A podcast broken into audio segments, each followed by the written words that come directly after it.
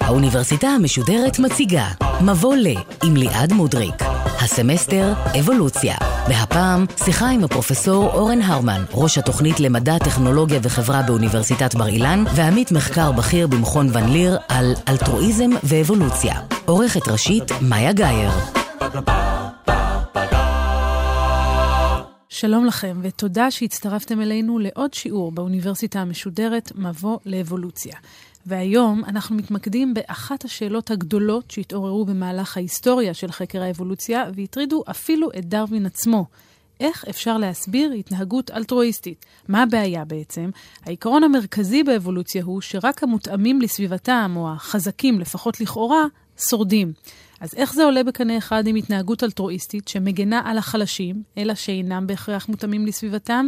כדי לענות על השאלה הלא פשוטה הזאת, מצטרף אלינו פרופסור אורן הרמן, פרופסור להיסטוריה של המדע, העומד בראש התוכנית למדע, טכנולוגיה וחברה באוניברסיטת בר אילן. שלום לך. שלום לך ליד. אז זו באמת סתירה כל כך גדולה? יש כאן סתירה מובנית, או שאנחנו לא מבינים את העקרונות האבולוציוניים מספיק טוב, ולכן זה נראה לנו כמו סתירה? דרווין חשב שזאת סתירה. דרווין כתב אם אני לא יכול למצוא פתרון, מענה לשאלה הזאת, אז כל התורה שלי לא שווה כלום. וואו. אה, והוא מצא הצליח? פתרון. כן, הוא מצא פתרון שאחר כך התווכחו עליו המון שנים. באנגלית הוא קרא לזה for the good of the community. זאת אומרת, אה, לימים אנחנו נדבר על זה. לטובת הקהילה או הכלל. לטובת הקהילה או לטובת הכלל. שהתנהגות אלטרואיסטית יכולה להיוולד באבולוציה, אם זה מיטיב עם הכלל. דווקא זה לא היה פתרון שהתקבל על ידי הקהילה המדעית שנים לאחר מכן. עד היום יש ויכוחים מאוד גדולים, אבל דרווין ראה בזה פרדוקס אמיתי. לימים אנשים ניסו בעצם אה, לפרק את הפרדוקס הזה ולהוכיח שזה לא באמת פרדוקס. ואתה בעצם חקרת אותו לעומק בספר שלך, מחיר האלטרואיזם. איך הסוגיה הזו בעצם אה, מוצגת שם? מה המהלך שאתה מציג בספר הזה? הספר הזה בעצם היה שני ספרים בספר אחד. הספר הראשון הוא פשוט לגולל את ההיסטוריה מדרווין ועד היום, וכמו שאמרתי, היום אנחנו ממשיכים להתווכח בסוגיה הזאת, של ניסיונות לפצח את החידה הזאת. כן. והניסיונות האלה עברו במשעולים של כל מיני דיסציפלינות מדעיות, אז ביולוגים ופסיכולוגים וכלכלנים ופילוסופים, והמענים שהם נתנו לבעיה ניתנו בשעות היסטוריות ספציפיות, אז הם גם התכתבו עם הזמנים, וזה נורא... זה מה שהכי יפה, אבל בבעיות כאלה, שהן כל כך גדולות, כל כך סבוכות, שאי אפשר לפתור אותן בתוך תחום אחד או בתוך דיסציפלינה אחת. חייבים פה שילוב של חושבים מכל מיני עמדות ומכל מיני שיטות. נכון, וזאת גם שאלה נורא נורא גדולה. אבל שכל יחיד מרגיש שהיא גם מאוד פרטית. כן. זאת אומרת, כולנו רוצים לדעת למה אנחנו עוזרים לאחר, למה אנחנו לא דואגים לעצמנו. זאת מין שאלה כזאת פרניאלית, היא נורא אישית. אז זה היה הספר הראשון. הספר השני זה היה סוג של ביוגרפיה של בן אדם, שבאיזשהו שלב מאוחר בחייו, בערך בגיל 45, החליט אה, שהוא רוצה לפתור את חידת האלטרואיזם, ופנה לכיוון הזה, ואז קרו לו דברים מאוד מאוד דרמטיים. מי הוא? קראו לו ג'ורג' פרייס, הוא היה אמריקאי שנולד ב-1922, התאבד ב-1975. הסצנה שפותחת את הספר היא כשקוברים את ג'ורג' פרייס בבית הקברות. ויש שם עשרה אנשים פחות או יותר, הלוויה מאוד קטנה ופרטית. שישה מתוכם הם הומלסים בריטים, שהוא נפל עליהם כמו איזה מלאך משמיים.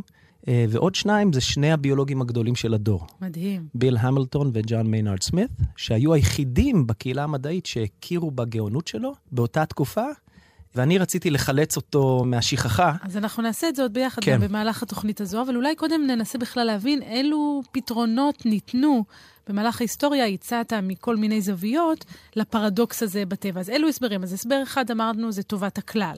נכון. קודם כל, זה גם סיפור היסטורי, וזה נורא מעניין ששניים מהתלמידים הכי גדולים של דרווין, מי שראו את עצמם כממשיכי דרכו, הייתה להם תפיסה הפוכה לגמרי לגבי השאלה של מוסר וטבע.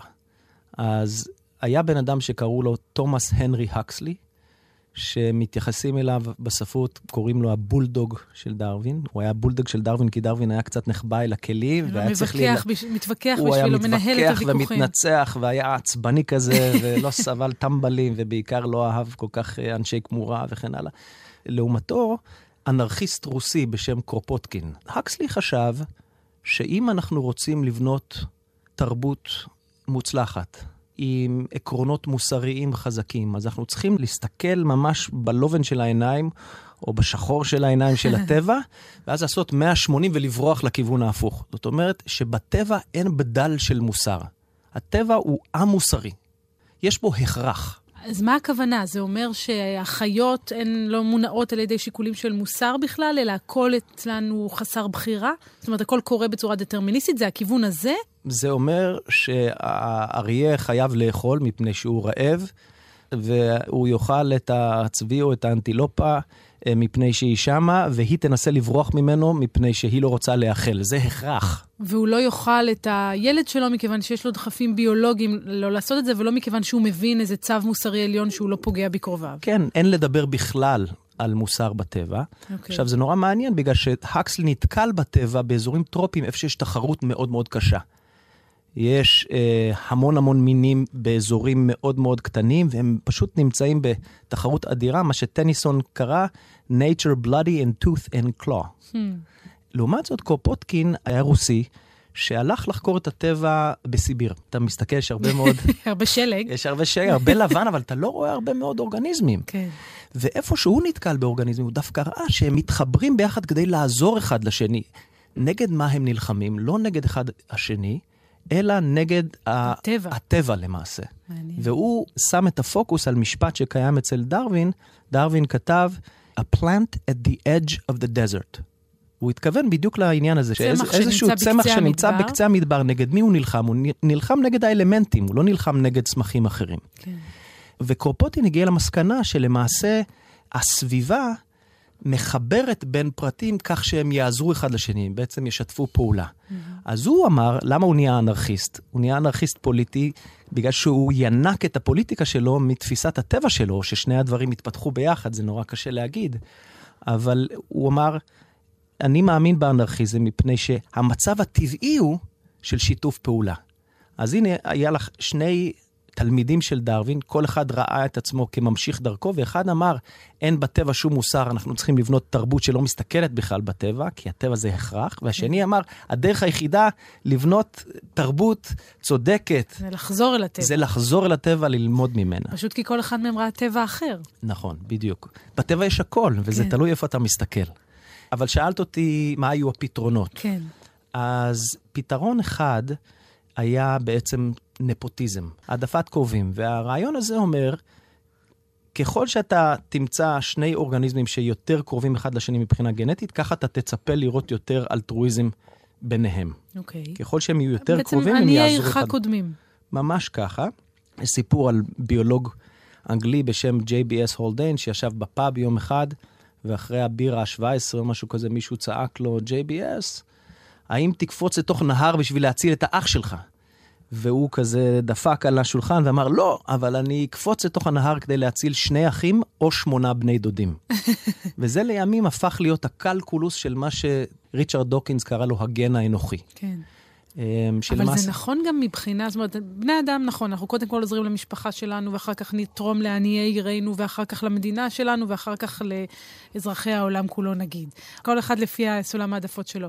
אבל אנחנו רואים את זה בטבע, אנחנו יכולים להצביע על דחף גנטי, לעזור קודם לקרובים לך? לא רק שאנחנו רואים את זה בטבע, אלא שאנחנו יכולים לנסח משוואות מתמטיות שמתארות באופן מדויק ביותר את השברים של התנהגות אלטרואיסטית כפונקציה של השברים של קרבה גנטית. וואו, אז... כלומר, אתה יכול להכניס את, אה, נגיד, מידת הקרבה הגנטית ולנבא לכאורה את מידת ההתנהגות האלטרואיסטית שהחיה או האורגניזם יגלה. ממש ככה, והיה חוקר בריטי שבא אחרי אותו JBS הולדיין, שלמעשה עשה פורמליזציה של אותו רעיון מהפאב, קראו לו ביל המילטון. ביל המילטון פיתח את מה שלימים קיבל את השם kin selection. או ברירת שאירים. והוא הראה, במיוחד בחרקים חברתיים, הוא עבד על צרעות חברתיות בג'ונגלים של ברזיל, והוא הראה ממש שאם יש לך קרבה של 3 חלקי 14 מבחינה גנטית, אז אתה תראה כמות כזאת של אלטרואיזם, כמות כזאת של השקעת אנרגיה, ואם יש לך 7 חלקי 14, אז אתה תראה כמות כפולה פלוס 1 וכן הלאה. וזה עובד רק לצרעות חברתיות, או שאפשר לנבא בזה גם התנהגות של יצורים מורכבים יותר, כמו אני לא רוצה לדבר אפילו בני אדם? הניבואים שם מתחילים להיות טיפה יותר מורכבים, כי פשוט המוחות נהיים יותר מורכבים ויש כן. יותר אלמנטים בסיפור הזה, אבל זה היה מדהים לראות שהאלגברה שלו, שהייתה בסופו של דבר הצטמצמה לניסוח של משוואה מאוד מאוד פשוטה. יכול להגיד אותה ממש בשלוש אותיות, R, B גדול מ-C. R זה genetic relatedness, זאת אומרת קרבה גנטית, B זה benefit, זאת אומרת הטבה. כן. ו-C זה cost, זה המחיר. אז זאת אומרת שאם הקרבה הגנטית כפול ההטבה שאתה נותן, אם הדבר הזה הוא יותר גדול מהמחיר שאתה משלם, אז תעשה את זה. אז uh, התנהגות אלטרואיסטית יכולה להיוולד בטבע. וואו. כן. אבל ברור שלא כל ההתנהגות האלטרואיסטית בטבע מתרחשת בין שאירים, בין קרובי משפחה. כן, אבל עוד לפני זה, בעצם המשוואה הזו מגלה שאלטרואיזם גם בסופו של דבר קשור בעלות שלי. זאת אומרת, במה שאני צריכה לשלם. זה לא שאני אעשה כל דבר לטובת האחר, אני אעשה אותו רק אם מה שאני נותנת לו והקרבה הגנטית גדולים יותר מהמחיר שאני בכל זאת צריכה לתת כאן. נכון, אבל האימפליקציה של המשוואה, זאת אומרת, מה שעמד ביסוד המשוואה, זה הטענה שאנחנו לא לגמרי בשליטה. שאנחנו כמו מריונטות, שהגנים שלנו, כן. שהם כביכול יש להם איזה דרך לזהות היכן הם נמצאים בגופים אחרים, זאת אומרת בפרטים אחרים, ואז הם עושים מניפולציה להתנהגות שלנו. עכשיו, זה סוג של מטאפורה כזאתי. לא תמיד קל לזכור שמדובר במטאפורה, ולכן יש הרבה בלבול סביב העניין הזה. אבל זה מעניין, כי אתה יודע, פתאום כשאתה מדבר על זה, אני חושבת שזה הרבה יותר מדהים שהוא מוצא את זה בצרעות מאשר בבני אדם, כי אותנו מחנכים מגיל צעיר לעזור למשפחה שלנו, לחברים שלנו. הצירה, איך היא יודעת שזאת uh, חצי אחות שלה? זה בדיוק אני לא צריכה לדעת. היא מדהים. פשוט כזאת. כמו שהקסלי אמר, זה הכרח. אבל יש גם התנהגות אלטרואיסטית שהיא לא בין קרובי משפחה, אז איך מסבירים אותה? נכון. אז זה... רואה, אז, אני חשבתי שאני צריכה לשאול את השאלות, אבל אתה עושה את זה מצוין בלעדיי. כן. אז פה בעצם באיזשהו שלב בשנות ה-70 וה-80 התחילו להיכנס מודלים מתורת המשחקים. זאת אומרת, מישהו שם לב שאפשר גם כן להשתמש בניסוחים התיאורטיים האלה כדי לנסות להבין התנהגות אלטרואיסטית או שיתוף פעולה בטבע בין בעלי חיים. אז הנה, כלכלה התנהגותית פוגשת את הביולוגיה. בדיוק. פה זה באמת מין סיפור כזה של uh, שמור לי ואשמור לך, או תגרד לי את הגב ואני אגרד לך את הגב, וזה הופך להיות נורא רלוונטי במינים שהם חברתיים. למה? בגלל שאנחנו לא יכולים להסתדר לבד. העניין הזה שרובינזון קרוזו זאת פנטזיה, אין דבר כזה כן. רובינזון קרוזו במינים חברתיים, בטח שלא אצלנו בבני האדם. אנחנו תלויים אחד בשני. באופן ממש אה, בסיסי, ולמעשה האבולוציה יצרה אותנו ככזאת, זאת אומרת, התלות הזאת טבועה בביולוגיה שלנו. ומה שהרעיון הזה אומר זה שאנחנו צריכים למעשה למצוא דרכים להתגבר על הבעיה של אמון. למה הבעיה של אמון? נגיד אנחנו קבוצה קטנה, כן. כולנו מכירים אחד את השני. אז אני יודע שאני יכול לסמוך עלייך ליד, ואת בטח יודעת שאת יכולה לסמוך עליי, נכון? ברור. אבל ברגע שאנחנו מתחילים לגדול, אז אני לא מכיר את uh, כל אחד. ואז זה נורא יעזור לי, למשל, אם ליד את תוכלי להגיד לי שאני יכול לסמוך על נוגה, כי את מכירה אותה, כן. ואז לפתור לי את בעיית האמון, כי אני מאמין בך, אני, יש לי אמון בך. אז את רואה שפתאום יש לחצי סלקציה לכל מיני סוגים של מכניזמים שמאפשרים לנו להתגבר על בעיית האמון, ואחד מהם זה שפה. את מספרת לי על נוגה. עוד אחד מהם זה כל הסובסטרט הנוירו-אנטומי והפיזיולוגי וההורמונלי שמאפשר לנו להיות אמפתיים. כאילו... אה, להזדהות עם להזדהות האחר, עם להיות האחר. מסוגלים לחוות את מה שהאחר חווה. בדיוק. ועוד דבר, זה מערכת של ענישה. למשל, יש אה, מחקרים נורא מעניינים שמראים שבקבוצות של קופים עם 145 פרטים, אין שום ענישה. ברגע שיש 146, אם אין ענישה, הכל מתמוטט. זאת אומרת, זה גם, זה, אפשר ממש לחקור את הדברים האלה בצורה די מדויקת. כמובן שעוד מנגנון שעוזר לנו להתגבר על בעיית האמון, זאת מערכת של מוסר או נורמות. נורמות שטבועות בנו. כלומר, אם כולנו נציית לאותם חוקים מוסריים, אז יהיה לי הרבה יותר קל לסמוך עליך, כי אני יודעת שמה שאני הולכת לעשות פחות או יותר הוא מה שאתה הולך לעשות. או הגבולות שאני לא אחצה, הם גבולות בלתי עבירים גם מבחינתך. נכון, אז למשל פסיכופטים, מה הם לא יודעים לעשות? להסמיק. אז ברגע שאתה רואה בן אדם שמסמיק, אתה יודע שאתה יכול לסמוך עליו באיזשהו מקום. בגלל שטבועים בו הרעיונות שמחברים בין כולנו, שיוצרים את הדבק הזה, שעוזרים לנו לחיות בקבוצה ולהתגבר על בעיית האמון. זה כמובן גם מתחייב מתוקף העובדה שלפעמים כשאני נותן לך משהו, ואני מצפה לקבל משהו בחזרה, אז את לא מחזירה לי באותו רגע. אני צריך לקוות שבעתיד מתישהו, אז הדלתא הזאת בין הזמן שאני נותן לבין הזמן שאת מחזירה לי, היא עוזרת להעצים את בעיית האמון והיא מחייבת את האבולוציה של מנגנונים שיעזרו לנו להתגבר על הבעיה הזאת. אז האלטרואיזם זה בעצם הדרך שלי לפתור את בעיית האמון שלך? בזה שאני עכשיו עושה משהו בשבילך, ואני מניחה שיום אחד אולי תעשה משהו בשבילי? אלטרואיזם זה לא הדרך שלי, אבל זאת הייתה הדרך של האבולוציה, כן. שטבעה בנו את היכולות האלה. של נתינה. אז לעוד כמה מינים יש את המנגנונים האלה? זאת אומרת, אנחנו בהחלט חברתיים מאוד, הקופים שמענו, שימפנזות ודאי, פילים, אבל כמה מן הטבע, כמה מבעלי החיים בטבע הם שותפים למאפיין הזה? כל המינים הסוליטריים, זאת אומרת שהם לא חברתיים, אז הם לא קשורים ללוגיקה הזאת. אבל היום יש מהפך שהולך וגדל בהבנה שלנו את הטבע. הייתה מין תפיסה כזאת שאנחנו לא יכולים בכלל להיכנס לתוך הראש של בעלי חיים. אסור לנו לעשות את זה, כי זה מין דבר שאנחנו למעשה תמיד ניכשל בו, ולכן אנחנו צריכים להניח שלא קורה שם שום דבר, ורק להסתכל על התוצאות התנהגות. של ההתנהגות שלהם. והיום יותר ויותר אנחנו מנסים כן להבין את הלוגיקה, וכן לאפשר לעצמנו לחשוב במונחים של בושה, קנאה, אחווה וכן הלאה, ואנחנו רואים שבטבע התופעות האלה הרבה יותר רחבות ממה שאנחנו חושבים. אבל יש מתאם, יש קורלציה בין המיקום שלך בעץ האבולוציוני לבין החברתיות שלך? כי גם נמלים נגיד הן נורא חברתיות. נמלים זאת הדוגמה הפרדיגמטית של חברתיות. זאת אומרת, קוראים להם אפילו סופר אורגניזם. יש חוקרים שחושבים על קינים של נמלים במונחים שכל הקן זה יצור אחד. הם נקראים בשפה המדעית אהו-סוציאליים. אהו זה אמיתי וסוציאלי. הם סוציאליים אמיתיים. אז כשחושבים על החיים על פני כדור הארץ במונחים הכי גדולים, אז אולי שני המינים הכי מוצלחים בהיסטוריה של החיים על פני כדור הארץ, זה נגיד נמלים ובני אדם. וזה נורא מעניין בגלל ש... זה לא בכדי, שנינו מאוד חברתיים, הם כן. יותר חברתיים מאיתנו, זאת אומרת, כן. הם מבטלים את היחיד שכל פרט הוא כמו תא. אנחנו מרגישים שיש לנו קצת רצון חופשי, אבל זה נורא מעניין שכדי להפוך להיות אאו-סוציאלי באבולוציה, זה נורא קשה.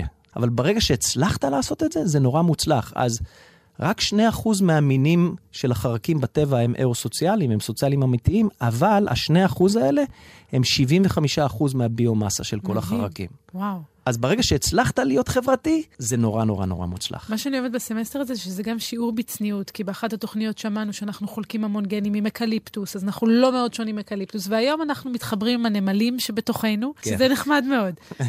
וזה מביא אותנו להסבר השלישי בעצם, שהוצע על הבעיה הזו של אלטרואיזם. אז ההסבר השלישי בעצם מחזיר אותנו לדרווין. דרווין אמר for the good of the community, הוא כן. חשב שזה לטובת הכלל. כן. למעשה מה שדרווין אמר זה שקבוצה שבה פרטים יתנהגו באופן אלטרואיסטי אחד לשני, תהיה יותר חזקה מקבוצה אחרת. שזה בעצם מה שהראית לנו עכשיו עם הנמלים ועם הבעלי חיים האו-סוציאליים. זה ממש נכון. עכשיו, מה כאילו הצד האפל של הדבר הזה? כן. יש לזה צד אפל. תמיד. זה שאותו טוב שמתפתח בתוך הקבוצה ושהוא משמש כמעין דבק כזה, שעוזר לנו נורא להיות מוצלחים, הוא תלוי בהיות קבוצה אחרת שאנחנו מתחרים מולה. זאת אומרת, הוא תלוי באחר. כמו שאנחנו רואים גם בהיסטוריה של בני אדם. כשיש לנו אויב משותף, אנחנו מתגבשים יותר ועוזרים אחד לשני. כן, אז אנשים שואלים, האם יש דבר כזה טוב אמיתי, כן. או שזה תמיד איזה סוג של אגואיזם במסווה כן. של אלטרואיזם. תגיד שיש טוב אמיתי, בבקשה. לא, אז אני אומר, בטח שיש טוב. מעולה. כאילו, איפה שאנחנו לא מסתכלים, יש טוב, זה ברור. אבל, או, זה, אבל הצד אבל, הטיפה כן. האפל כן. של זה, כן. זה שזה הצליח להיוולד באבולוציה תודות למה שאנחנו קוראים בהאג האנושית שלנו, זנופוביה או שנאת הזר. כן. אז זה כאילו, זה מין אה, ברכה כזאת. אה, שקללה מסוימת בצידה. במובן מסוים, ואז האתגר הגדול שלנו, בני האדם, זה איך אנחנו מתגברים על הצד האפל הזה. זאת אומרת, איך אנחנו מרחיבים את המעגלים של האמפתיה באופן כזה שהקבוצה היא כלל האנושות, למשל. וזה דרך אגב מופיע כבר אצל דרווין? זאת אומרת, ההכרח שיהיה לנו אויב או זן אחר שיתחרה על אותם משאבים כדי שיתפתח אלטרואיזם? כן, הוא כתב על זה בספר השני שלו שעוסק באבולוציה של האדם, Descent of Man. והוא כתב שם המון דברים שאנחנו מאוד אוהבים את דרווין, אני מאוד אוהב אותו, כן. אני ממש בא לי לחבק אותו הרבה ימים, ו... אבל הוא כתב דברים שהם מאוד מתאימים לתקופתו. אז לפי דרווין למשל, האלטרואיזם מנוגד לטבע האנושי? לא, אני חושב שהוא ראה בזה... זה חלק ש... מה... כן, זה טבוע בטבע שלנו, היכולת הזאת היא להקריב עבור האחר, וזה טבוע בטבענו מסיבות אבולוציוניות ממש. אז זה מנגנון שמבחינתו ממש הוכיח את עצמו. כן. אם לוקחים שתי קבוצות, ואחת מהן מלאה באלטרואיסטים, והשנייה מלאה באגואיסטים, והם מתחרים על מגרש הכדורגל, אז איזה קבוצה תנצח? אלטרואיסטים, אני רוצה לחשוב. אלטרואיסטים, כי הם עוזרים אחד לשני, כל השאר, כי בקבוצה השנייה, כל אחד לעצמו, וכל אחד לא. כזה, כן, אגואיסט. אבל אם מסתכלים על הקבוצה האלטרואיסטית, עושים כזה זום אין לתוך הפרט, ושואלים את השאלה, מה באינטרס של הפרט בתוך הקבוצה האלטרואיסטית? הוא רוצה להיות הכוכב, הוא רוצה להבקיע לבד. לכאורה, זה האינטרס האגואיסטי שלו. אבל... זה נכון, אז אם אנחנו משתמשים במטאפורה של משחק כדורגל, זה נכון, אבל בואו ניקח משהו יותר כזה חמור סבר, מלחמה. Okay, אוקיי, okay. אוקיי. אז כולם מסתערים קדימה, והאגואיסט, זאת אומרת, או הפרט, באינטרס שלו לקחת דווקא צעד אחורה, לתת לכולם לשלם את המס עבור הכלל, והוא ירוויח מהקרב שלהם, מהאלטרואיזם שלהם. עכשיו, אם התכונה הזאת עוברת בתורשה, אז אתם רואים שלקבוצה יש בעיה של יציבות כן. בפני הפרט האגואיסטי. כי מה שיקרה זה שהאלטרואיסטים ישלמו בחייהם, הם לא יורישו את הגנים שלהם, ואז לגנים האגואיסטים יהיה יותר סיכוי להמשיך לדורות הבאים. בדיוק, ומה שהרעיון של דרווין, for the good of the community, או מה שנקרא ברירה של קבוצות, מה שזה אומר, זה שבתנאים מסוימים, הברירה, אם אנחנו חושבים על זה כאילו כמו עין גדולה כזאת שמסתכלת על כל מה שנעשה בעולם החי, הברירה רואה את הקבוצה כאינדיבידואל. ואז בתנאים האלה, הברירה של הקבוצה, הכוח שפועל על הקבוצה הוא יותר חזק כן. מהכוח שפועל על הפרט, ולכן התנהגות אלטרואיסטית יכולה להיוולד. אבל בעצם, אם אני מבינה אותך נכון, אז בדוגמה של המלחמה, אז נכון, הקבוצה עם יותר אלטרואיסטים תשרוד, אבל מי שישרוד בתוכה יהיו האגואיסטים, מה שיהפוך את הקבוצה בעתיד ללא אלטרואיסטית, לא? אז נולד איזשהו איקוליבריום כזה, בין אלטרואיסטים לבין אגואיסטים. וזה גם דבר שאפשר לחקור אותו בכלים מתמטיים, ואנחנו ממש רואים את זה מתרחש בקבוצות של בעלי חיים. אז במובן מסוים, אלטרואיזם הוא חלק מהטבע, חלק מהטבע האנושי, חלק מהטבע בכלל. במובן אבסולוטי. אז זה לא מצוין, לא, מסוים. לא, יצאתי עם חיוך על הפנים. זה נכון, אבל אז השאלה הגדולה היא, תחת איזה תנאים הצדדים האלטרואיסטים שלנו יקבלו ביטוי, ובאיזה תנאים הם דווקא כאילו יידחקו הצידה לטובת האגואיזם. כן. ואני חושב שהרבה מהאינטואיציות שלנו בהקשר הזה הן צודקות. זאת אומרת, יותר קל להיות אלטרואיסט כשיש לך הרבה מה לאכול. כשאתה מסכן, אז אתה הרבה פעמים מסתכל פנימה. בתקופות קשות מבחינה כלכלית, אז הבתים מתקבצים פנימה, עוזרים לצאצאים. כן. אבל זה לא תמיד נכון, אנחנו גם רואים המון דוגמאות, בעיקר באנושות, של אנשים שאין להם כלום. ומהכלום שאין להם הם נותנים משהו למישהו אחר. מה שאומר שטבועה בנו היכולת הזאת באמת לא להסתכל על עצמנו. כן. שזה דבר מאוד מעודד, ואנחנו... בהחלט. רק צריכים ללמוד איך אנחנו יכולים... אה, לזקק דווקא ל... את ההתנהגות כן, הזאת ולא את האחרות. ליצור את התנאים שיעזרו לדברים האלה לצאת על חשבון הדברים. ולא בהכרח עם אויב משותף. בדיוק. ננסה למצוא איזה מנגנון אחר. נכון. אבל הזכרנו קודם כל מיני הוגים שניסו למצוא פתרונות, אז דיברנו על דרווין ודיברנו קודם על המילטון, ובתחילת התוכנית הזכרת את גיבור ספרך פרייס. מה היה הפתרון שלו? ועל איזו תקופה אנחנו בכלל מדברים? אז פרייס, ממש בנובמבר 1967, כשהביטלס קנו את הבוטיק שלהם אה, בלונדון ושלא הצליח, הוא עלה על אונייה ועבר מארצות הברית ללונדון לבד. זאת אומרת, הוא נטש את המשפחה שלו, נטש שתי בנות מאוד צעירות. זה נורא מעניין בגלל שהמוטיבציה שלו לפתור את בעיית האלטרואיזם נבעה, אני חושב, ממה שמצאתי במכתבים שלו וביומנים שלו, מתוך איזשהו רצון פסיכולוגי מאוד מאוד עמוק להבין את יסודות המשפחה, שהוא בדיוק פירק. אז הוא לא בא מהתחום, לא ידע כלום על אבולוציה, הוא בעצם היה סוג של כימאי כזה. אבל הוא התחיל לקרוא את המאמרים האקדמיים הרלוונטיים בספריות הציבוריות שהיו פתוחות לקהל הרחב. כל העיסוק באלטרואיזם היה מאוד מתמטי, והוא לא לגמרי הבין את הכל, והוא כזה קרא וקרא עד אמצע הלילה וכן הלאה, ואז פשוט באיזה אופן שהוא בעצמו תיאר אותו כניסי. הוא כתב משוואה מתמטית, שלימים קיבלה את השם משוואת פרייס, ואני למדתי אותה בתואר ראשון שלמדתי ביולוגיה, ואז כאילו אחר כך חזר, אה, זה הפרייס הזה. והמשוואה הזאת בעצם היא משוואה גם יחסית מאוד פשוטה וקצרה, כמו המשוואה של המילטון, ומה שהיא עושה זה היא מאפשרת לנו להבין באיזה רמה של כוח הברירה פועלת הכי חזק בתוך ההיררכיה הביולוגית. האם היא פועלת הכי חזק על המולקולה, על התא, על האינדיבידואל, על הקבוצה, אולי על השושלת. וכמו שאמרנו לפני כן, הלוגיקה של הברירה הקבוצתית היא כזאת, שאם הברירה פועלת יותר חזק על הקבוצה, אז זה יוריד את הראש של היחיד האגואיסט. אז פרייס פשוט ניסח באופן מתמטי את הסטטיסטיקה של הכוח של הברירה ברמות היררכיות שונות של הביולוגיה. זאת אומרת, הוא לא עשה תצפיות, הוא לא בא מביולוגיה? לוגיקה, זה ממש אה, טאוטולוגיה מתמטית, המשוואה שלו. אבל... שעד היום היא נלמדת ומקובלת? היא נשכחה לזמן מסוים, ואז נתגלתה מחדש שהיה איזה בן אדם אחד או שניים שכזה ממש נשבעו, שזה הדבר הכי... הספר הזה יצא לפני בערך עשר שנים, וזה היה בדיוק תקופה שגילינו מחדש בתוך הקהילה את הרעיונות של פרייס. כן. ולאט לאט הם חדרו, והיום כן, זה חלק מאיזשהו מערך יותר רחב של הבנה של הדינמיקה של הברירה הטבעית. אז הוא מראה שהברירה הטבעית פועלת קודם כל על הקבוצה?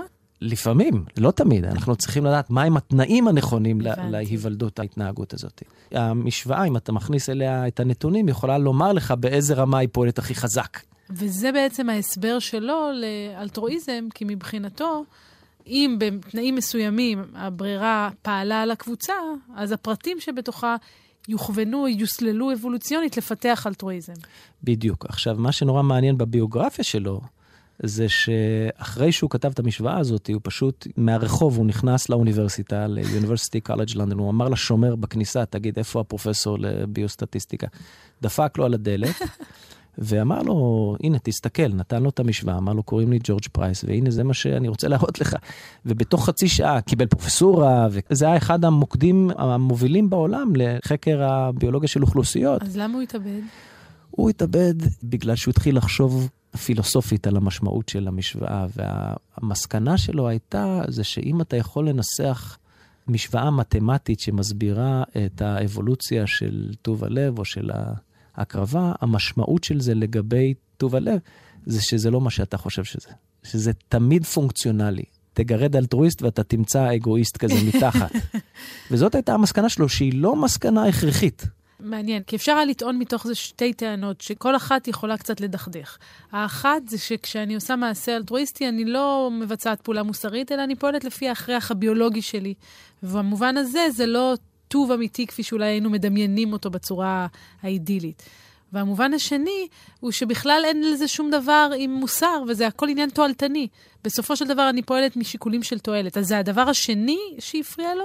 מאוד הפריע לו, ואז הוא החליט, הוא לא יכול לקבל את זה, כי בדיוק באותה עת שהוא כתב את המשוואה, והמשוואה הניסית הזאת, הוא גם רץ לתוך כנסייה והפך להיות אה, נוצרי מאמין, שחשב שאלוהים בחר בו כן. לספר איזושהי אמת גדולה לאנושות, קרי מאיפה בא טוב הלב והקרבה.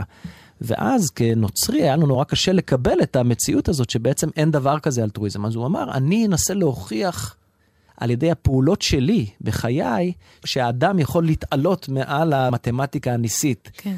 אה, שמגדירה את מה שקורה בטבע, והוא הפך להיות מין סוג של אלטרואיסט רדיקלי ברחובות לונדון, ועזר לאותם הומלסים וכן הלאה, עד שהוא נתן את כל מה שיש לו, ובעצמו הפך להיות הומלס, איבד את כל מה שהיה לו. וואו.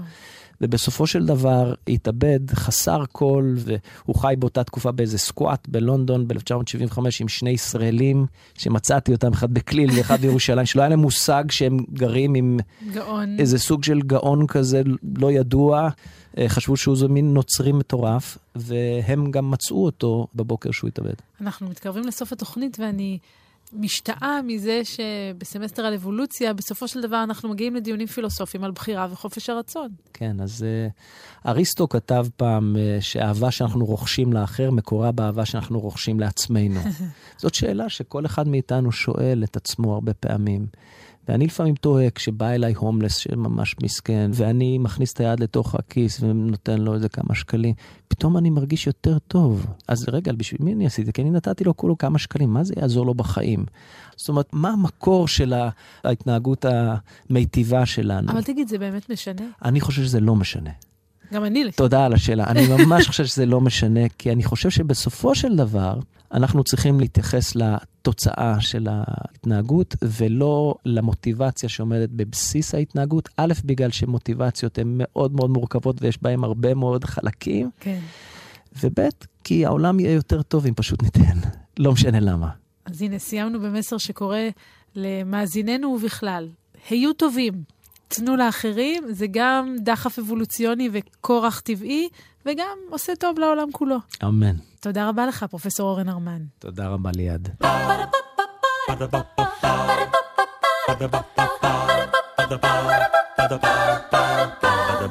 האוניברסיטה המשודרת, מבוא ל. ליעד מודריק שוחחה עם הפרופסור אורן הרמן, ראש התוכנית למדע, טכנולוגיה וחברה באוניברסיטת בר אילן, ועמית מחקר בכיר במכון ון ליר על אלטרואיזם ואבולוציה. עורכת ראשית, מאיה גאייר. עורכות ומפיקות, נעמי קנטור יצחייק ונועם גולדברג.